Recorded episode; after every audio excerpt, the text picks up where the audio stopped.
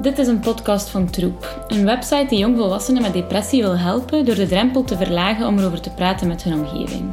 Veel mensen hebben het moeilijk en durven daar niet voor uitkomen bij hun vrienden en familie.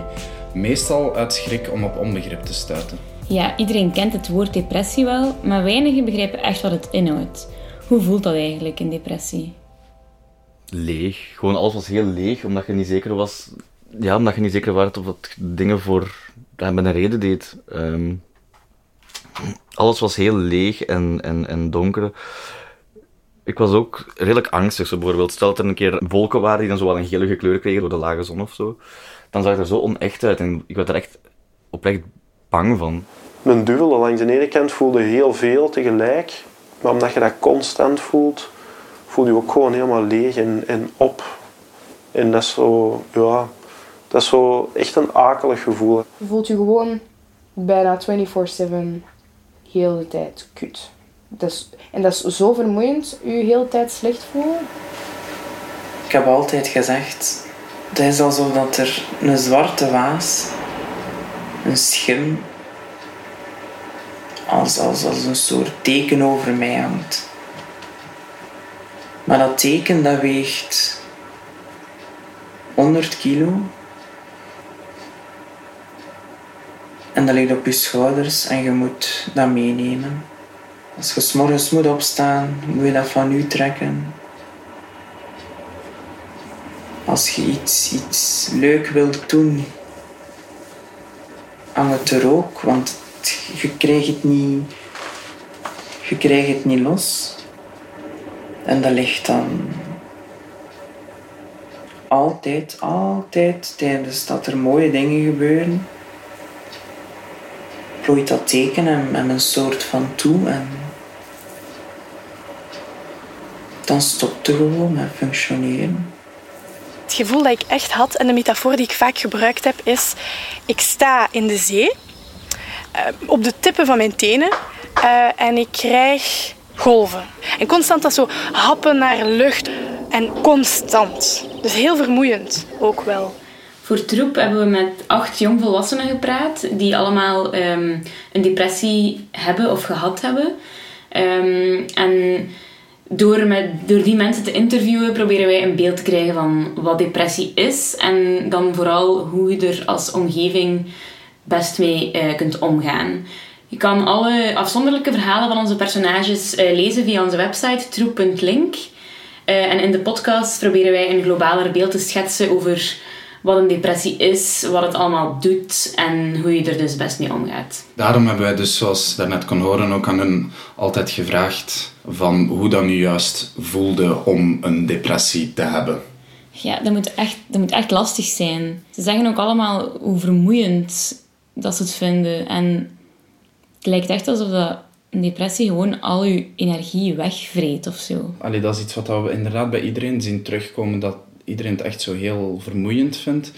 Um, maar dat kan toch niet het enige symptoom zijn van een, een, depressie. En ik denk dat we daarom misschien eens naar Dirk de Wachter zijn definitie moeten luisteren van een depressie, uitgelegd in gewone woorden. Dan is depressie een triestigheid, een gevoel van, van slecht voelen in uzelf, die meer is dan de gewone tristigheid die we allemaal wel eens meemaken, omdat ons examen tegenvalt. Nee, een tristigheid die blijft duren en die in uw lijf kruipt en die vaak ook lichamelijke symptomen vertoont. Namelijk niet meer kunnen slapen of heel de tijd willen slapen, niet meer kunnen eten, wenen zonder reden, rondlopen in een zenuwachtige status of heel de tijd daar maar liggen en voor niks geen goesting meer hebben. Dus een tristesse die echt uw, uw lijf en leden doortrekt. Waar dat je ziek van bent. Dat is eigenlijk de definitie in gewone termen van depressie. Ja, dat is inderdaad een goede en een heldere omschrijving van wat depressie is. Maar ja, gemakkelijker gezegd dan gedaan. Ik denk dat het ook niet simpel is om zelf te erkennen van oké, ik heb die symptomen en aan jezelf toe te geven, ik ben depressief. Dat is niet iets wat je zelf makkelijk doorhebt van ah, ik ben depressief. En ik denk dat Riyad Bari daar ons ook wel een heel interessant inzicht in heeft gegeven. Hij is een tv-journalist die onder andere een docu maakte over zijn eigen depressie. Ja, we horen dat Riyad het over eh, de Black Dog heeft. Dat is een, eh, eigenlijk een metafoor die depressie eh, heel goed kan uitleggen. Er staat een filmpje van, dat zullen we linken eh, op onze website, gewoon bij de podcast. Eh, er staat ook een boekje van. Maar het komt eigenlijk op neer dat die depressie wordt voorgesteld door een zwarte hond die u overal volgt waar je naartoe gaat. En die ja, zijn stempel van zwart kijken op heel uw leven drukt. En na een tijdje is dat zo erg en is dat zo zwaar dat je eigenlijk gewoon zelf die zwarte hond bent geworden. En ik denk dat depressieve mensen allemaal een eureka-moment nodig hebben. Dat ze zo eindelijk voor het eerst zien wat een probleem is. En dan ook kunnen beseffen van, ah ja, dat is mijn probleem. En ten tweede van, ah ja, eureka, ik ben niet alleen zo.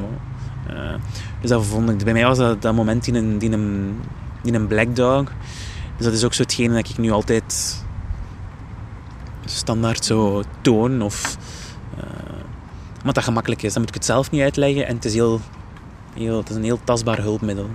En dan is het eigenlijk heel grappig om te weten dat ondanks het feit dat iedereen zo verschillend is, en dat iedereen een ander soort oplossing nodig heeft. Dat als ik praat met mensen die hetzelfde hebben gehad, dat die symptomen, toch hoe absurd dat ook is, vrijwel bijna altijd dezelfde zijn.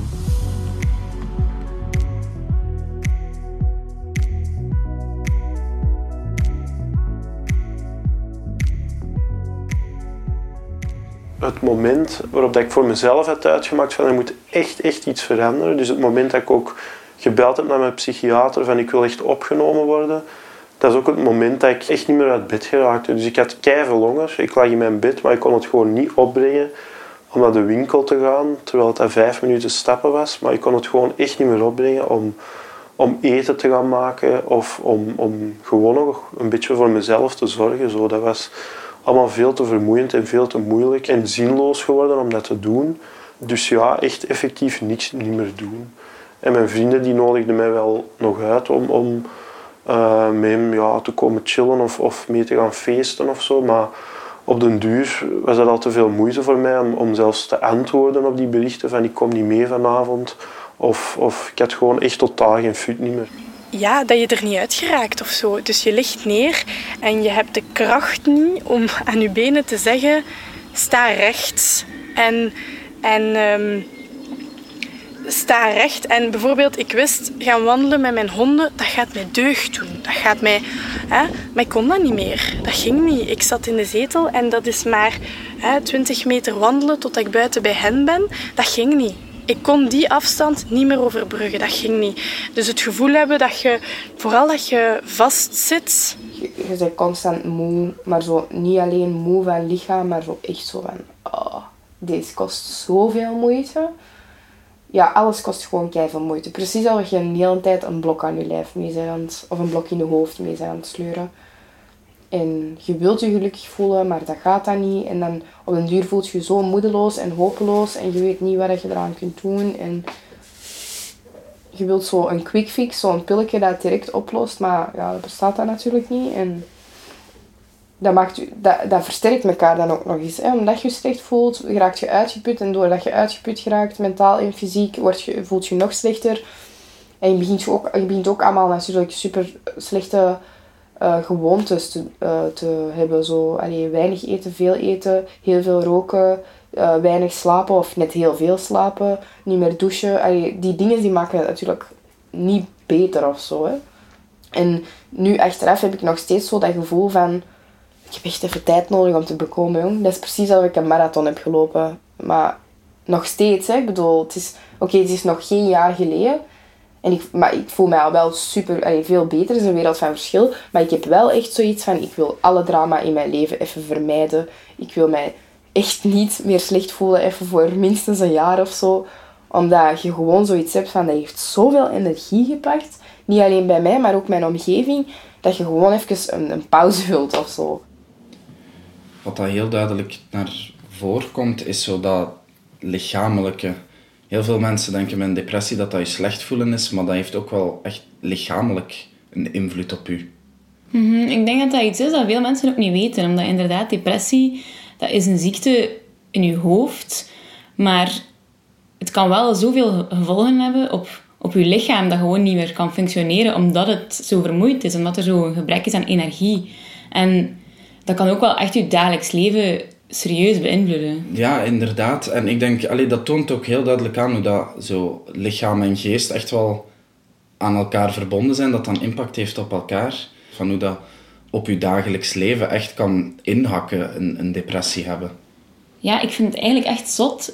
Het idee dat een mentale ziekte u zo ver drijft dat je het gewoon niet meer kunt opbrengen om voor jezelf te zorgen. Ik kan me dat niet inbeelden dat ik daar al geen energie meer voor zou hebben eigenlijk. Inderdaad, het is iets heel moeilijk te vatten als je niet weet wat een depressie is. En daarom hebben we gevraagd aan Stefan Klaas, eh, depressiespecialist bij uh, UZ Leuven, om dat uit te leggen. Waarom is dat en waarom verwaarlozen mensen zichzelf? Ik denk enerzijds omdat ze heel weinig energie hebben vaak. Ze hebben het gevoel dat alles wat ze moeten doen een inspanning is, een berg is ook weinig zin hebben in dingen. Hè. Meestal als je je uh, mooi aankleedt of je doucht of je wast, je is het ook met een bepaald doel. Je gaat naar buiten, gaat iets doen, gaat mensen zien en je wilt er een beetje fris voorkomen. Zo. Maar die een drive en die goesting om dingen te doen verdwijnt ook bij depressie. En vandaar ook vaak de goesting om zichzelf te verzorgen. Zo.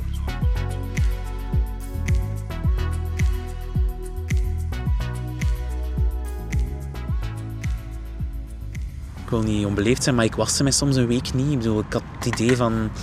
Ja, dat idee van met te moeten uit dat bed slepen naar die douche, dat, dat ging gewoon niet. Uh, en dat vond dat zo absurd. Ik kon dat niet plaatsen. Van, hoe komt dat dat jij voor jezelf geen zorg draagt? Ik weet heel goed dat dat, dat, dat boekje dat ik kreeg van de psycholoog van Black Dog, dat begon met een inleiding geschreven door die man, waarin dat hem schreef in de eerste paragraaf, ik had geen energie om mij te wassen. En ik, dat was zo van ja, ik weet dat niet. Ik vond dat zo was een, geweldig moment. Ik zo, oké, ik ben echt niet, ik ben niet gek, ik ben niet abnormaal, ik ben niet marginaal. Uh, dat is blijkbaar een, een, een normaal verschijnsel. Fysiek, hè. Ja, ik at niet meer, ik was bleek. Ik waste mij niet meer, dus ik zag er niet zo... Je, ziet er, je voelt je niet goed en je ziet er ook niet goed uit. Ga je gewoon gaan douchen, kruipt in je bed en slaapt. En dan heb ik mij, heb ik mij kunnen douchen, wat echt... Oké, okay, het klinkt meer belachelijk, maar dat was echt mega achievement. Dat cool, goed en score. Van dat douchen had ik al gehoord of zo. dat is wel echt iets wat gehoord. Maar wat mij echt wel gaat bijblijven is dat, dat lichamelijke echt. Dat is veel meer dan je niet kunnen douchen of zo. Ehm, dat is iets wat de meeste mensen dan misschien wel horen of al weten. Maar die lichamelijke impact is... Allee, dat ik dat is echt wel iets wat ik heb bijgeleerd. Het is echt niet te onderschatten hoeveel lichamelijke impact dat een mentale ziekte kan hebben, inderdaad. Ja, en ik denk dat dat ook zo bijdraagt bij het onbegrip dat er soms zo'n beetje is van alleen zet je recht of alleen doe verder. Omdat veel mensen niet doorhebben hoe dat, dat ook fysiek echt op je weegt. Mensen die het niet begrijpen, die redeneren inderdaad op een manier van doe het gewoon. Kom gewoon uit die zetel. Zo moeilijk kan het toch niet zijn. Terwijl dat we nu echt wel geleerd hebben dat het gewoon fysiek onmogelijk is voor velen. En ik hoop en ik denk dat dat een eerste belangrijke stap is voor mensen om het beter te kunnen begrijpen. Ja. En om beter te kunnen omgaan met iemand die depressie heeft in de omgeving. Een andere conclusie die we denk ik wel kunnen stellen is dat er nog te weinig echt geweten wordt wat echt echt inhoudt, behalve nu gewoon een beetje slecht voelen, bij wijze van spreken. Wat dan heel vaak gedacht wordt. Inderdaad. Dus uh, ja, ik denk als meer mensen al beter zouden weten wat de depressies zijn, zoals bijvoorbeeld via dat soort dingen, dat ze ook al beter gaan kunnen helpen of beter gaan kunnen begrijpen. Ik denk dat begrijpen is al een heel grote hulp. Het probleem is dat mensen het niet begrijpen. Die denken dat jij die ongelukkig zijn, wat is dat? Snap je?